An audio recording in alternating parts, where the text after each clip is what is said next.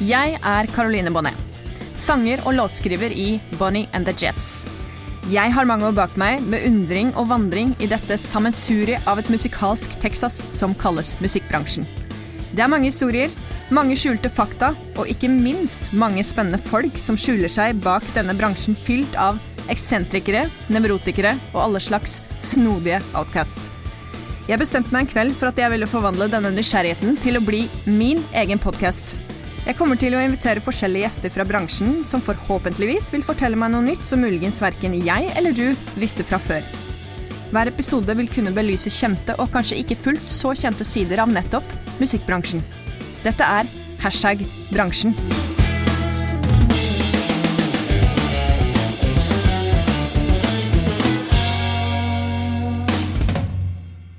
Når eh, korona har herja som verst, så har det gått utover de aller fleste turneer og konserter her til lands, i hvert fall. Og du, eh, Bjørn Terje Bråten, du er jo en av de som har klart å holde et show på beina tross pandemi.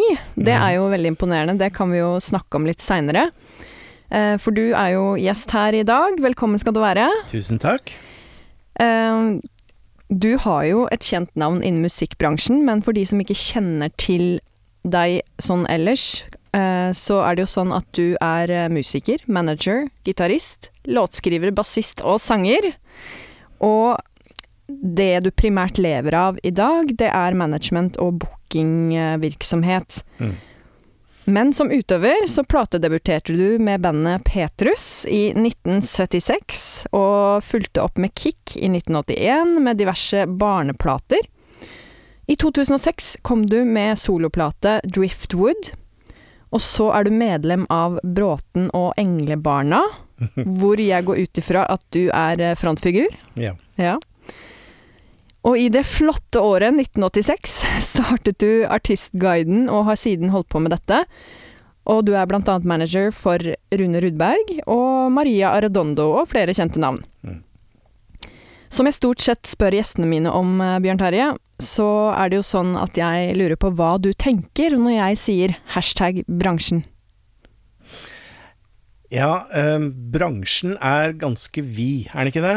Det er ehm, veldig fra altså, Du nevnte barneplater, altså fra barneunderholdning og, og til eh, de særeste jazztingene. Og for meg så, så får vi sette punktum der, for utafor der igjen så er det jo klassisk og opera og masse sånt som jeg i grunnen ikke har noe greie på. Mm. Men, men innenfor der igjen, og så får man kanskje skjære en enda litt eh, mer til beinet, så er bransjen for meg eh, pop- og rock-bransjen, Mm. først og fremst, vil jeg si. Ja. Hva var det som fikk deg inn i musikkbransjen? Du nevnte dette bandet som het Petrus. Mm. På 70-tallet så spilte jeg i det bandet, og den gangen så måtte man jo uh, alltid spille coverlåter. Altså, det nyttet ikke, å- nyttet ikke å være konsertband, selv de kjente måtte spille til dans. Ja vel. Um, og sånn var det i mange, mange år. Egentlig. Men uh, jeg begynte å studere juss, skulle bli uh, få meg ordentlig jobb. Og så var det sommer, og jeg tenkte at nå må jeg få meg en sommerjobb. Og så gikk jeg til det bookingbyrået som booket dette bandet Petrus, Mhm. og spurte om de eh, hadde bruk for meg. Og det hadde de. Og da var det altså 1978, og jeg fikk den store sum av 25 kroner timen. Uh. Mm. Ja, men det var greie penger den gangen, skal jeg si det. Ja. Og um, så fant jeg fort ut at jeg hadde talent for uh, den delen av, av businessen. Og etter hvert så hoppa jeg av jusstudiet og begynte på heltid med, med booking. Og um, skjønte altså at dette var noe jeg burde satse på på egen hånd. Og så Mm. kom 1986, og så startet jeg da Artistguiden. Ja, for du Så- fant ut at det var sånn sett mye mer uh, gunstig for samarbeid med musikerne, og også det økonomiske, kanskje, å starte sjøl? Det siste. Det siste. økonomiske, ja. Ja. Ja. Det var mer, rett og slett for å tjene mer penger. Så. Det var tøft å starte. Eh, Da var jeg bare unge valpen, ikke sant. Mm. Men, men jeg er veldig glad for at jeg gjorde det. Mm. Veldig glad for at jeg gjorde det. Men det er oppriktig interesse for musikk som fikk meg inn i uh, musikkbransjen. Og jeg, jeg ble egentlig solgt allerede som tiåring. Jeg- Da var det musikken som tok meg, Mm. for alvor. Fortell mer om det. Ja, det var var ikke så mye popmusikk på radio og sånt og da jeg vokste opp. Jeg høres jeg ut som en veldig gammel mann, og det er jeg kanskje òg, men, men eh, på 60-tallet så var det ikke så veldig mye popmusikk på radioen. Vidar Lønne Arnesen, som jeg senere hadde gleden av å bli kjent med, han hadde et program som het Ti i skuddet, og da fikk man i hvert fall høre litt grann popmusikk hver 14. dag. Og jeg var helfrelst. Altså Kinks og Beatles og Hollies og Mm. Herman's Hermits og hva de nå het alle sammen. Ja. Ja. Ja, for jeg har jo hørt rykter om, og vet jo for så vidt at du er en stor Beatles-fan. Ja, det er Så jeg du- blitt etter hvert, ja. Så Mm. du vokste opp med den her musikken på radioen? Ja, det kan Mm. du si. Ehm, og da via å, å bli interessert i å kjøpe plater og sånt. Nå Mm. ikke det at man hadde så mye penger som tiåring, men, eh, men Mm. interessen var der absolutt. Og så har du da endt opp med å ha et langt eh, yrkesaktivt liv i musikkbransjen. Jeg har faktisk Bukke... aldri gjort noe annet. Nei. Nei. Du booker artister, og du er manager for flere artister. Og som jeg nevnte i introen, så har du da klart å holde et show gående under korona. Mm. Fortell litt om det, hvordan det lot seg gjøre. Ja, det mm, var jo ikke bare lett. Altså når vi startet i, i mars, så var vi ganske fortvilet alle sammen. Mars 2020. Mm. Ja. Da spetakkelet braket løs. Mm. Uh, og jeg husker at uh, det var flere som, som snakket med meg og lurte på åssen skal det gå nå. Så kom jo uh, heldigvis myndighetene med litt støtteordninger etter hvert. Og jeg skjønte veldig fort at jeg måtte eh, bli god på å sette meg inn i hvilke støtteordninger som fantes, så jeg kunne hjelpe artistene Mm. med det, og også hjelpe meg selv med det. For det var jo brått helt stopp. Ja. Det var ikke en spillejobb lenger. Nei, det var plutselig Ja. var det helt dødt. Så åpna det jo lite grann opp i mai-juni-leitet, slik at vi fikk en sommer hvor vi kunne spille dog med litt mindre Altså for eksempel med Rune Rudberg så blei det ikke så mye bandjobber, men vi spilte solojobber. Mm. Og andre band som kanskje ikke var så dyre at eh, eh, Sånn at det lønte seg for eh, arrangører som kunne ta inntil 200 mennesker. Vi måtte pense inn på sånn måte, Mm. eh, og dermed få hjula til å gå rundt, som du sier. Ja. Og så drev jeg jo hele tiden og planla denne Jeg hadde en ferdigbooket juleturné med Vår jul, med, med Gaute Ormåsen, Christian Ingebrigtsen, Maria Redondo, Torstein Sødal og Tine Ting Helseth. Ja. Uh, 52 konserter skulle gjøres, og vi var jo veldig spente på om dette kom til å la seg gjøre eller ikke. Og ventet spent på denne stimuleringsordningen som skulle Mm. komme. Men den kom, og vi fikk det til, og vi fikk i hvert fall gjennomført nesten 40 av de 52 konsertene. Det er jo veldig bra. Resten ble nedstengt. Ja. Men eh, da var dere landet rundt, eller? Var det Ja, ikke Nord-Norge, men eh, Mm. opp til Namsos. Ja. Mm. Hvor mange folk var det på hver konsert da? Da var det lov å ha 50 på hver Ja. konsert. Stemmer. Unntatt i Bergen. En av, da var det bare 20. Å ja, ok. Ja.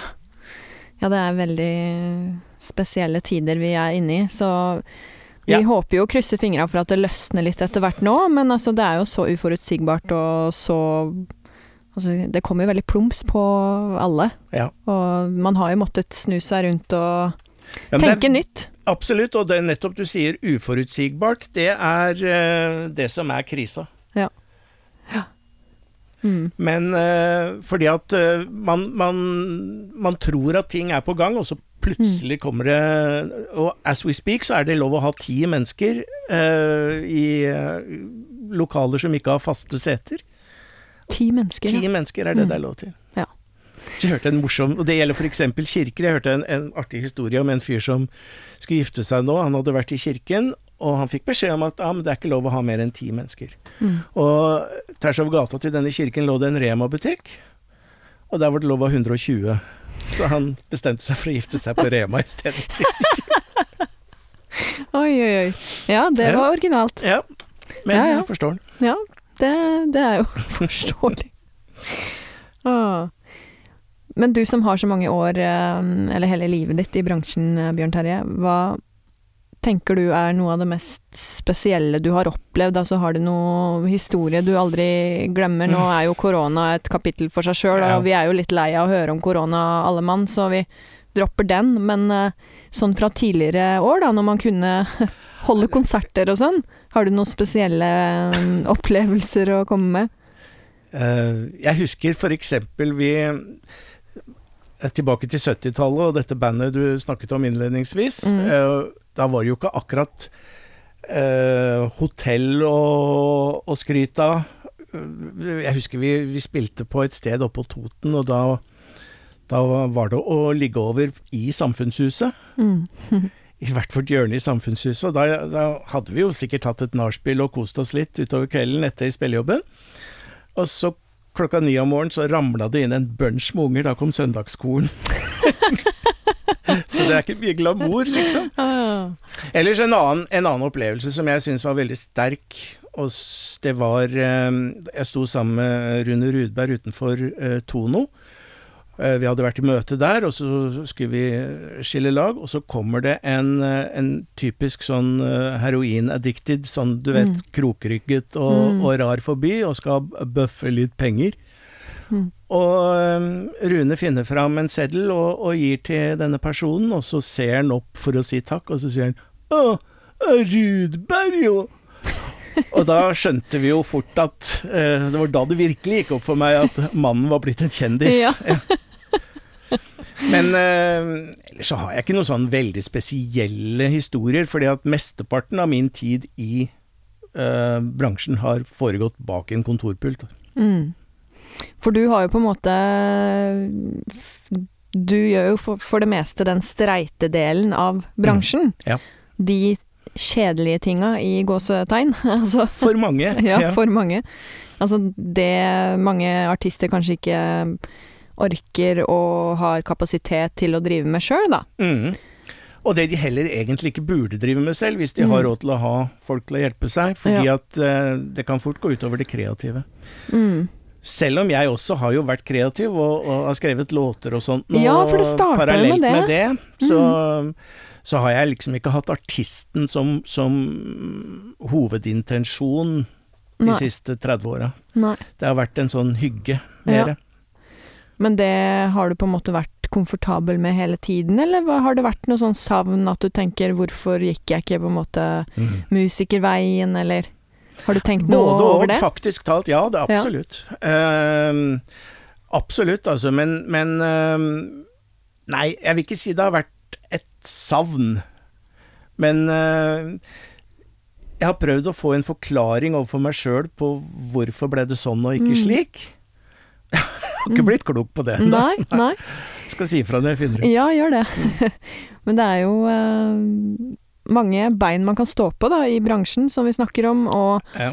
du har jo spilt inn musikk ganske nylig også, så du driver jo veldig aktivt med egen musikk òg. Det gjør jeg. Så og jeg har skrevet masse sier låter for andre eh, også. Ja, det har du jo også. Ja.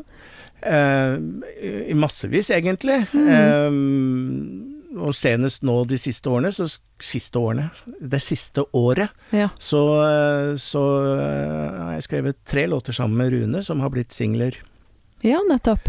for han. Uh, men uh, jeg Nå har jeg glemt hva vi spurte om.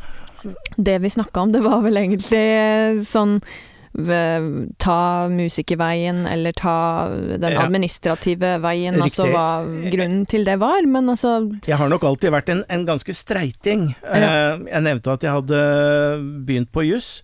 mm, men hoppa av. Men jeg er veldig glad for at jeg gjorde det, for da kan jeg lese forskrifter til eh, ditt Mm. og datt, og jeg kan skjønne et sånt språk som eh, Mm. ikke alle er komfortable med. Ja. Og så har jeg eh, Jeg er jo så gammel at jeg gikk på gymnas, jeg har økonomisk gymnas. Ja. Eh, og det er jeg også veldig glad for, så jeg har den eh, evnen til å kunne forstå et regnskap, og kunne gjøre et regnskap, og kunne Mm, eh, ja, deale med penger på den måten. mm, Så eh, jeg har tatt den delen av meg, og så har jeg hatt den kreative delen av meg, men så blir det en liten miks av det hele. Ja, for det flettes jo i hverandre stadig vekk, kan Ja. jeg tenke meg. At det på en måte Ok, så sitter du og jobber kontor noen dager, og så plutselig kanskje du skriver en låt, og så finner du ut, ja, som du sier, at Rune Rudberg da tok eh, noen av låtene dine, eller du skrev det sammen med han? Hvordan var det? Skrev det sammen. Skrev det sammen, ja. Mm. ja. Så da er du på en måte veldig i det kreative også, da. Absolutt. Mm. Og det, jeg syns det er gøy. Ja. Ja. Men hva tror du eh, folk flest misforstår med musikkbransjen da? Ja, Det er et godt spørsmål. Um, en av de tingene de misforstår, er i hvert fall hvis de tror at det er glamour. Mm. Mm. For det er hardt arbeid. Mm. Det er um, Det krever sin mann og, eller kvinne å, um, å ha et langt liv i musikkbransjen. Og du må tåle en støyt.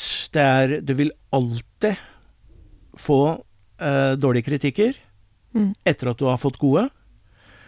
Uh, og det er ikke alle som tåler det heller.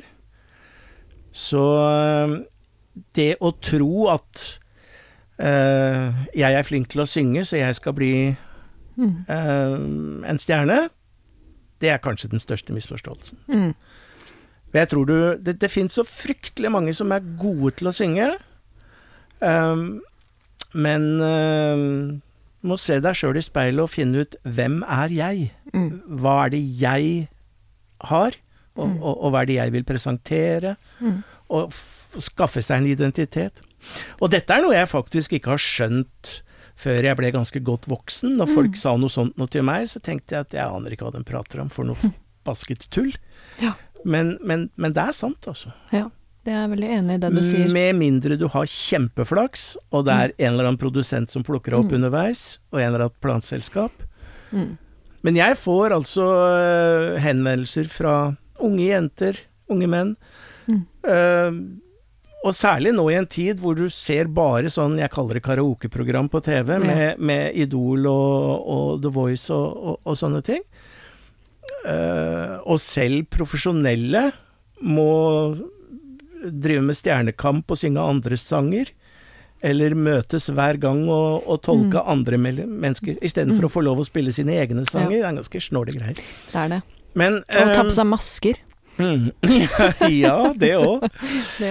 Mm. Men uh, Nei, så, så det er ikke noe rart om, om eh, de unge tror at det er litt sånn. Men, men du er rimelig sjanseløs hvis du ikke vet hvor du vil, har enten evnen til å skrive sanger selv, eller noen å gjøre det sammen med, eller noen som gjør det for deg. Mm. Ja. Uh, ja.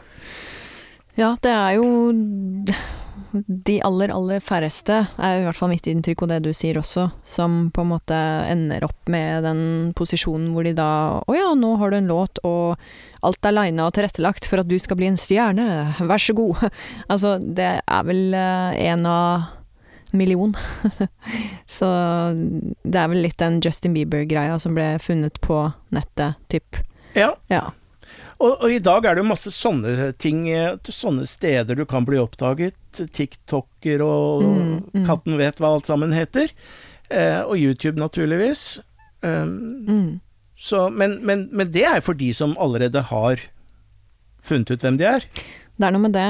Det er jo den identiteten da, som Ja. sannsynligvis da er ikke sant, forma og skapt, før noen da velger å eksponere seg såpass mye da på Absolutt. sosiale medier. Og det er så mye flinke folk. Jeg husker da sønnen min gikk på Lipa i Liverpool, Mm. den såkalte Paul McCartney-skolen, og jeg, jeg var over der og, og hørte på disse elevperformancene. Fantastiske både musikere og sangere, og Men det er nesten ingen av dem som har fått til noe Nei. eh, sånn I hvert fall som avisene skriver om etterpå. Nei.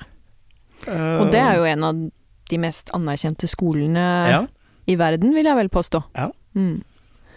Ja, nei, du sier noe der. Det er, eh, så det er en- tøft der ute. Det er tøft der ute, og da kan vi jo gå inn på et tema som jeg vet du interesserer deg for, og jeg også interesserer meg mye for psykisk helse. Mhm. Eh, For eh, det vi snakka om litt før teipen begynte å gå, så er det jo sånn at det er jo en mer og mer vanlig ting at artister går ut i media og sier at de har hatt det tøft psykisk, og at de har hatt visse problemer, og det er jo kjempebra at de kjente artistene gjør det, for da blir det på en måte mer synlig og kanskje mer godtatt, og tabuene forsvinner litt sånn mm. etter hvert, da. Men uh, Ja, jeg syns det, og det er um, Men det er noe vi må ta på alvor. Og um, en ting jeg har drevet mye med underveis i karrieren min, det er eh, foreninger. Jeg var med og startet um, Impresarioforening, uh, som nå er en agent- og managerforening som heter NEMA. Mm. Um, opprinnelig ble det startet i 89, men den, nå er jeg ute av styret og stell, men uh, jeg har vært ganske involvert, og der Blant annet så var psykisk helse et av de temaene som man skulle jobbe litt videre med. Og så kom koronaen og ødela alt sammen. Men ja. man kommer nok tilbake til det. Uh, som tema både i uh, seminarsammenheng på Bylarm og osv. Mm. Uh, fordi man må ha en viss forståelse, ikke minst bakmennene, mm. eller damene. Mm. Plateselskap, managere og alle sånne må ha en viss forståelse for at av og til er nok nok. Du skal ikke presse artisten til å gjøre alt mulig rart, jobbe for mye. Mm. Eh, det toppa seg jo med Avicii, som til slutt tok livet sitt, ikke sant? Ja. Um, og det er jo en historie for seg. Men uh, jeg, jeg, tror det er veldig viktig at man uh, har en forståelse for dette her, enten du er manager, plateselskapsmann eller artisten selv. Ja. At det uh, er lov å si nei. Det er noe med det. Og, og ingen er uh, en robot. Alle. Ingen er en robot. Og som jeg sa til deg før vi startet, altså kunstnere, artister, er ofte kunstnere, eller er egentlig lik kunstnere. Og kunstnere har ofte et, et følelsesliv som kanskje er litt eh, skjørere, litt eh, annerledes enn det eh, kontormannen har, mm. for å si det sånn. da. Nå stigmatiserer jeg veldig, men ja, du forstår nei, men altså, forhåpentligvis hva jeg mener. De fordommene og det stigmaet kommer jo fra et sted, og det er jo på en måte hva skal jeg si, mange, mange historier om kjente kunstnere, malere og artister og ja, ja. Historisk sett så er det jo en kjent sak at uh, ofte så har de kreative hodene også litt mer problemer, sånn i form av ustabilitet og følelsesmessig uh, opp- og nedturer, da. Ja. ja. Så jeg tror det er veldig viktig for uh, en ung artist som har lyst til å satse, å ta opp det i speilbildet også. Mm. I spørsmålet 'Hvem er jeg?' Ja. Om tåler jeg dette her? Er jeg rusta for det? Absolutt. Veldig viktig spørsmål, men samtidig så tror jeg nok det er vanskelig å svare på det for seg selv i speilet der og da. Det er nok det. Veldig håpløst. Fordi ja, det For det er sånn man Ja, jeg bare tenker sånn parallelt til min egen historie, altså. Jeg klarte jo ikke å svare på ting for, ja, 15 år siden som jeg gjør nå i forhold til mange type temaer, uh, om det er musikk eller andre ting i livet, for den saks skyld. Nei. Altså, man vokser jo mens veien går, og modnes jo og det, Du gjør det, og spørsmålet 'hvem er du?' er det mm. vanskeligste du kan få. Ja, men det er klart, det fins jo noen, uh, helt sikkert, av unge mennesker som kan stille seg det spørsmålet og tenke at nei, vet du hva, jeg tror nok jeg er for ustabil i psyken til å takle en sånn bransje. Men kanskje samtidig, ja Kanskje samtidig så kan et sånt sted som den kunstneriske tilværelsen, låtskrivervirksomheten, sangervirksomheten, være et sted å i anførselstegn gjemme seg og bygge opp seg selv. Mm. Det er, det er, ikke noe ABC her. Det er finurlige greier, altså. Ja. Jeg eh, har en uh, har en uh, venn som jeg jobbet med for mange år siden, som nå er psykolog, som snakket om det at han syntes det var så kult at jeg skrev låter, og at det liksom var sånn ja, inspirerende å se hva jeg fikk til med det. Og så sa han at ja, for du vet jo, Karoline, det er, det er jo den beste måten å bearbeide, bearbeide sorg på. Det er jo å på en måte skrive seg ut av det. Oh yes. Og det har han jo fra et sted, jeg vet ikke helt Mm. hvor den kilden var fra, men det var i hvert fall i hans psykologistudier da, hvor han hadde lest om dette, og hvor det da ikke sant, er forskningsbasert, at man faktisk på en måte styrkes ved å da jobbe seg kreativt ut av tunge perioder, da. Mm. Og det er jo veldig inspirerende og hva skal jeg si Fint å få bekreftet da, at ja, det var jo egentlig bra at jeg skrev de to låtene, for det gjorde Mm. meg jo godt å Nei, men du renser systemet, Ja. og det kan være små ting. Jeg, jeg husker da jeg skulle fylle 50, det var en sånn eh, grense som jeg syntes var veldig rar. Og mm, da begynte jeg å skrive min egen livshistorie. Ja. For å skrive meg ut av Og så Mm. ble jeg plutselig ivrig på det. Mm. Jeg har mista nå, dessverre, men så det, det var ikke for noe Å, ja. annet enn skriveprosessen. Det var bare for å få Mm. lufta, lufta systemet, rett og slett. Ja, Men så jeg tror, på, jeg tror på det der der. Det Mm. var en bagatell. Man kan også kanskje skrive seg, om ikke helt ut, så i hvert fall litt ut av Mm. vanskeligere situasjoner. Ja. Det er en sånn slags uh, frigjøring, på en måte, Mm. fra, fra opplevelser og situasjoner som har vært vanskelig. Sånn Kanskje en kan se seg selv fra en annen side også, Ja. ved å mm, få det ned på papir. Mm, Mm. absolutt. Hva er det du syns har forandra seg mest i musikkbransjen? Eh, sånn fra, fra å være med i et up and coming band i 1976 til å nå booke kjente og kjære artister. Du, alt, alt har forandret seg. Ja. Ehm, bare tek tek teknologien. Mm. Ehm, jeg husker da vi holdt på med, med Kick i 1981, uh, rockebandet Kick, i Arne Bendiksens studio, så husker jeg vi hadde lagt kor på et refreng. Dette var i de analoge dager. Mm. Eh, og jeg sa til teknikeren at jeg skulle ønske vi kunne flytta det koret til neste refreng òg, istedenfor å måtte Mm. gjøre det en gang til. Og da Mm. bare lo han av meg og sa ja. Tenk om det, du. Den dagen. Den dagen, ja. I dag er det piece of cake, ikke sant. Ja. Det gjør du på garasjeband uten Mm, mm. uten å Så teknologien er, én en vesentlig ting. Men også det jeg nevnte for deg, eh, at på 70- og langt inn på 80-tallet så måtte man altså spille 4 ganger 45 minutter hvis man i det hele tatt skulle ha drøm om å få jobb. Mm. Sånn at de første årene av eh, er langt inn på 90-tallet nesten også. Første årene av uh, bookingkarrieren min, så var det danse- slash coverband Mm. vi levde av. Ja. Og eh, vi kunne spille ja, ukesjobber. Vi kunne nesten være på turné bare i Oslo. Det var mer enn nok av spillejobber Mm. uh, her. Um, for, hvis vi spilte altså coverlåter. Det var jo en hemming, eh, en, en hemmende del av det hele, fordi at da fikk du aldri utviklet deg som artist. Nei. Eh, for du spilte alltid de siste hitsa, Mm. ikke sant? Så da ble du sånn, kall det karaokeband, da. Mm. Som jeg brukte som uttrykk i stad også.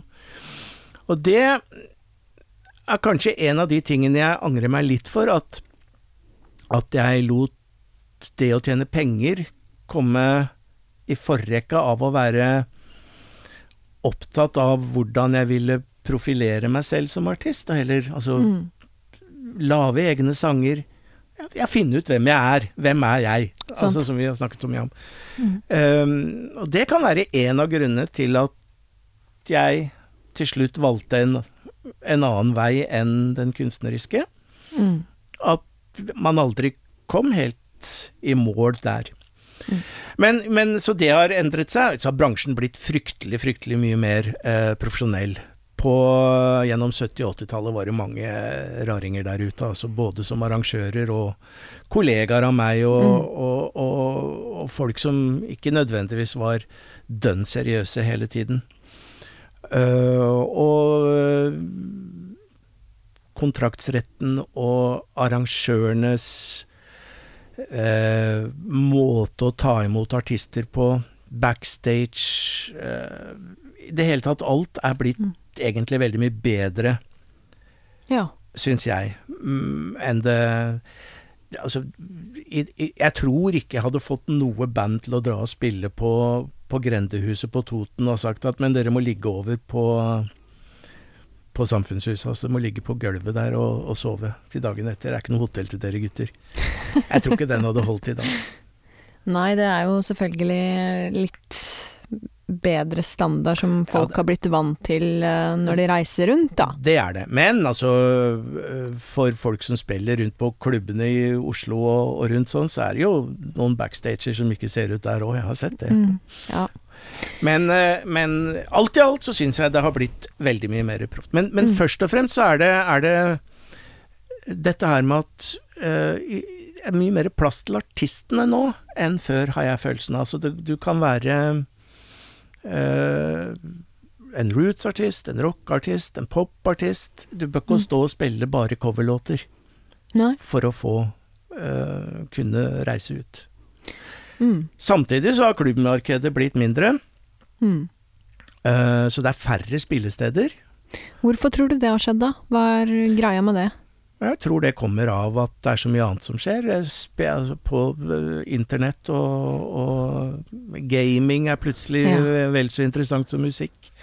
Ja, for Eh, tror du kanskje Det er sånn frykten min at etter korona, altså nå vil jo hele den her pandemien ha gjort sitt sånn rent psykologisk med samfunnet, og ja, hvordan folk forholder seg til avstand til hverandre og alt mulig sånn. Det vil nok ta veldig tid før man er tilbake på det man kalte normalt før, eh, Ja. før eh, dette her. Men eh, med tanke på det, så er jeg litt sånn Jeg har litt sånn angst for at folk ikke tør å dra ut igjen. At de da ender opp med å bli sittende hjemme og se konserter på touchtelefonen sin. Det Vet du, det tror ikke jeg, for det, det er ikke mye tilfredsstillende. Nei.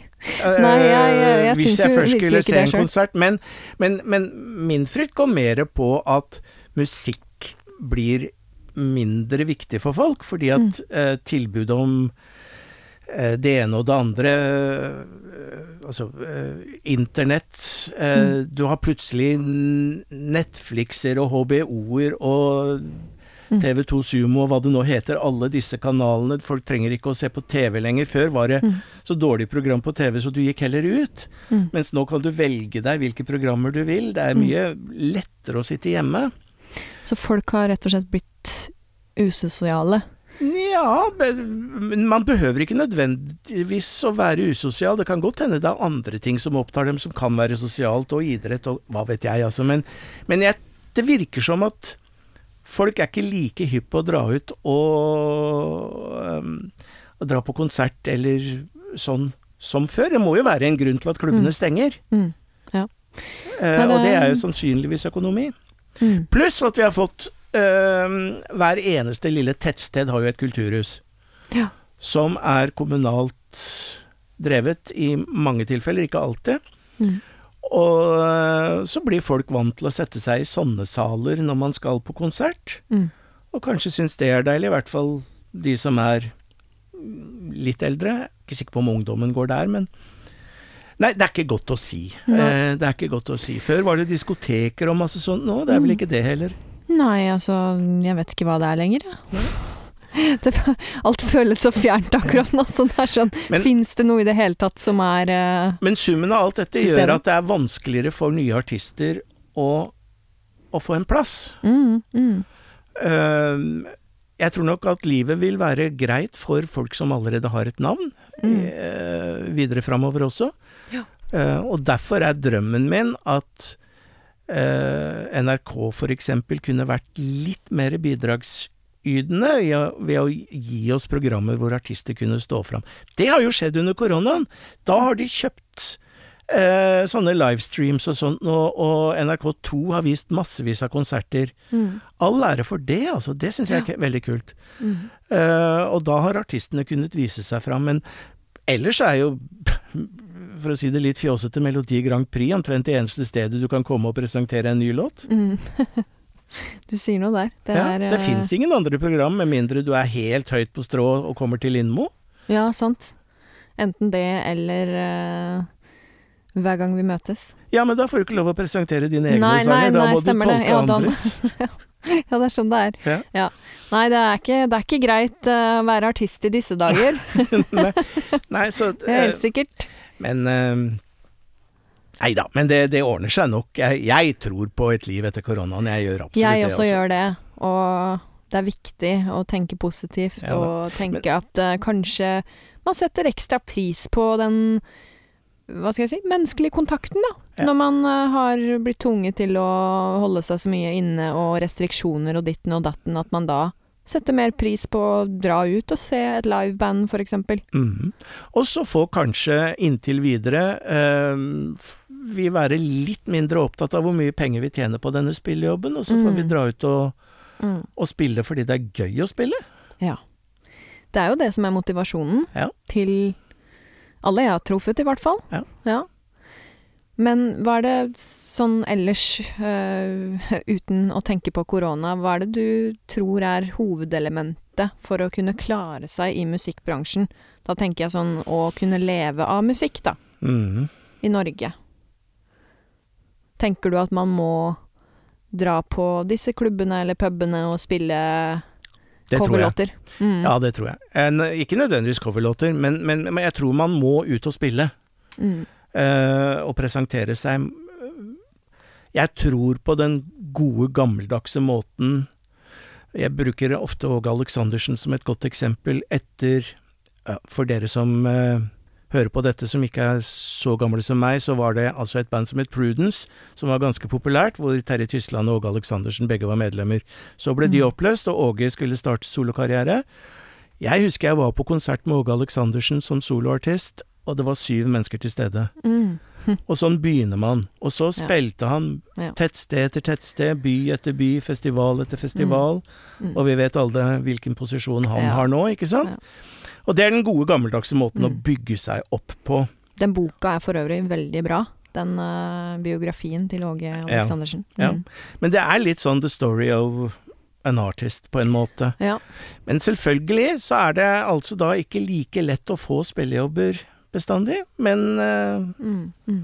så må man kanskje gå litt på, på tross av pengene, da, og så spille for døra, hvis det er det man må gjøre. Altså. Ja. Men, men det som har skjedd nå i nyere tid, er jo også at ofte må man leie seg inn på steder. Altså ofte må du betale for å Ja, dra på spillejobb, og det det er er, en ting sånn. jeg ikke er så glad for. Det er jo litt spesielt, egentlig. Det er jo blitt et veldig sånn eh, populært fenomen i Oslo, i hvert fall. Jeg vet ikke hvordan det er ellers i landet, men som uh, artist og prøve å finne steder å kunne spille i Oslo, så er det jo veldig sånn at man må betale seg Ja. inn for å kunne spille. Og sånn har det jo ofte Det har vært sånn i England og, og Amerika og sånt nå. Skal bare ta en slurk. Mm. Det har Eh, vært, eller er fortsatt, eller? Mm. Ja, akkurat nå er det jo ingenting som er, Nei. men jeg skjønner hva du mener. Nei da, det er fortsatt. Å ja, det er fortsatt. Du må leie deg inn på klubbene. Mm. Og du må leie deg inn for, eller du må betale for å være supportband, og du Mm, mm. Så det er en, en greie som ikke er like kult, egentlig. Nei, det er jo uh, Men en annen ting som jeg også oppfordrer uh, folk til å gjøre i denne bransjen, er å, å, å lære seg uh, dette med tono. mm. Øh, dette med gramo. Hva er tono? Hva er gramo? Og jeg skal love deg at det er selv uh, folk som jobber i bransjen, som ikke vet det. Ja. ja, det er helt merkelig at det er så få som vet om de søkemulighetene der. Altså, jeg husker jeg snakka med en trommis jeg spilte med for mange år siden, og han bare Ja, men vi kan jo søke til det og det for å få støtte. Og jeg bare Hæ? Går det an? Mhm. Altså, det, det var liksom Ja. første gang jeg hørte om at det gikk an å søke støtte for et prosjekt eller til en konsert, eller ja. Så det er klart, det er en veldig fordel å lese seg opp og finne ut hvilke muligheter som er der, da. Mm, det, det er veldig viktig. Men, men det tono og grammo og sånn er jo ikke bare for å søke, men det er altså hvis du som låtskriver står og Selv om du spiller din egen musikk, så har du jo krav på å få et tonovederlag. Enhver arrangør må betale en tonoavgift. Mm. Og derfor er det veldig viktig at du selv melder inn til Tono hva som er spilt, hvor det er spilt, når det er spilt. Mm. Mm. hvor mange som var der, osv. Ja. Og så skal du ikke la deg affisere hvis en arrangør sier at nei, men da får du ikke spille her. Nei. Da er den egentlig ikke Det, det, er, det er styggedom, det er useriøst. Ja, ja, ja. Vi har er opphavsrettigheter her i landet. Absolutt, og det er veldig viktig å huske på. Ja. Og det er vel de færreste steder som begynner å krangle på det nå. Det var vel kanskje verre i Hva verre starten. Før? Når før? var det dette starta, forresten? Å, det er, nei, det har vært uh, mye lenger enn jeg har levd. Okay. Med Tono, ja. Ja vel, ja vel. Men, men uh, Ja, vi kunne dratt en lang historie om Tono, og det er jeg ikke sikker på om vi skal gjøre nå, men, men det har vært Kort fortalt så har det vært slik at seriøs musikk ble prioritert framfor populærmusikk, og det var stor forskjell på andelen du fikk som seriøs utøver. Jeg liker ikke det ordet, men hva, det er hva, noe hva betydde det, liksom? Ja, ikke sant. Og som popmusiker, da. Ja. Men sakte, men sikkert så har vi Uh, Når jeg sier vi, så er det foreninger og, Mm, og sånn. Uh, klart å jobbe det inn så det er noenlunde likt. ja. Ja. Det er jo enda godt, for det blir jo sånn sjangerrasisme, da. Ja, det er sjangerrasisme. Mhm. Ja. Rett og slett. Det at noen på en måte skriver eh, en musikk som uh, passer de som sitter i styret. Ja. Nei da, men det, det det, var sånn at uh, jeg var med å starte noe som senere ble til Norsk Artistforbund, men det, det, da vi startet så het det 11A, som er kategorien eh, popmusikken var i, i Tono. Mm. 1-1A het den. Okay. Og da vi, da vi begynte med det, så, så var det seks ganger, altså eh, minuttstatis... Det, det, det du fikk betalt per minutt i NRK. Mm. Hvis du spilte eh, Hvis du var samtidskomponist, eller eh, såkalt seriøs, da. Mm. Det var seksgangeren av det Bjørn Eidsvåg eller Åge Aleksandersen fikk. Oh, ja. Og det føltes sterkt urettferdig, ikke sant? Så, Mm. Men det fikk vi jevna ut etter en lang tids kamp. Og det, Mm. way back så var det enda verre.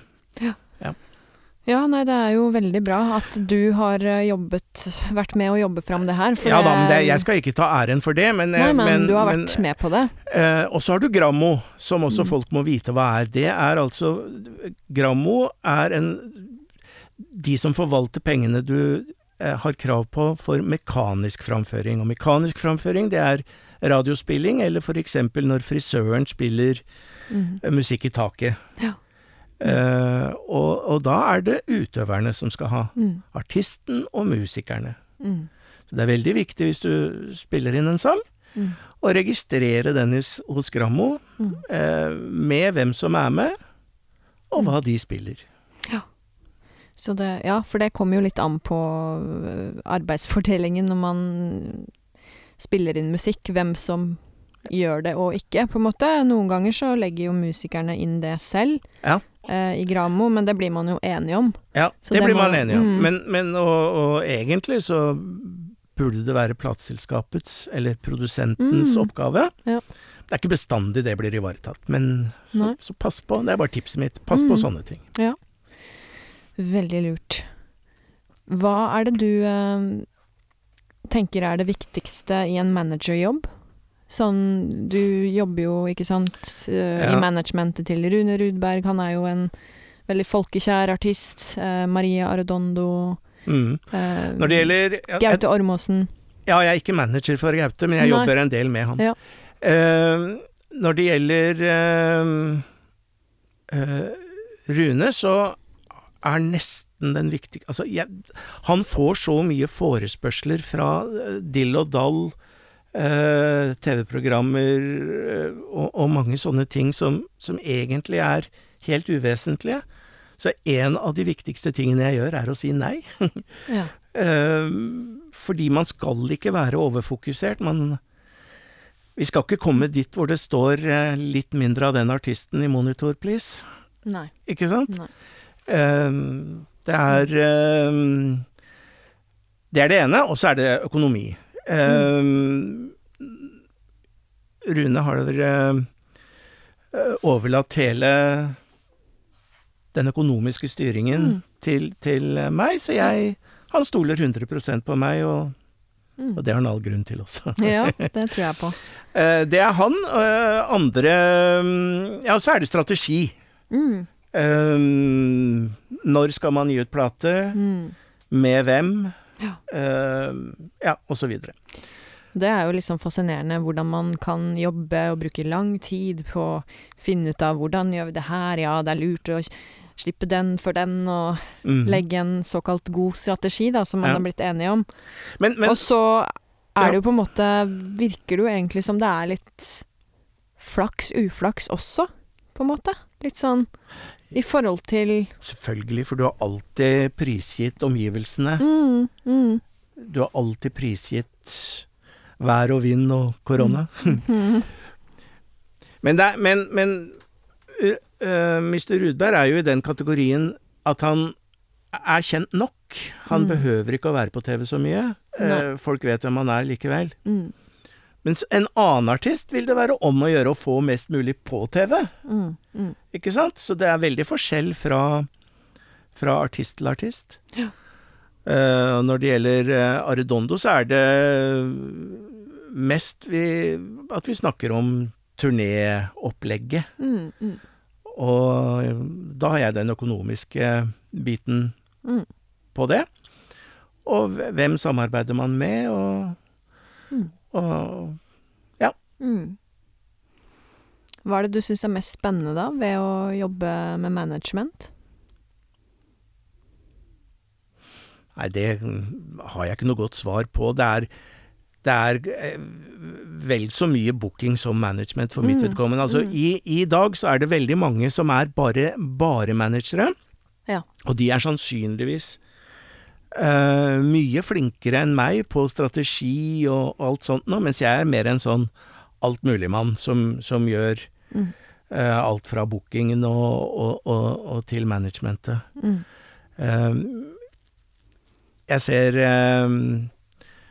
I Nema så har jeg jo kollegaer som er rene managere, og, og som driver med altså, internasjonal eh, samarbeid og, og, og, og masse sånn, og de som sagt er nok mye mer proffe enn det jeg er på akkurat det feltet, altså. Men alt til sitt bruk. Alt til sitt bruk. Ja. Det er virkelig sant.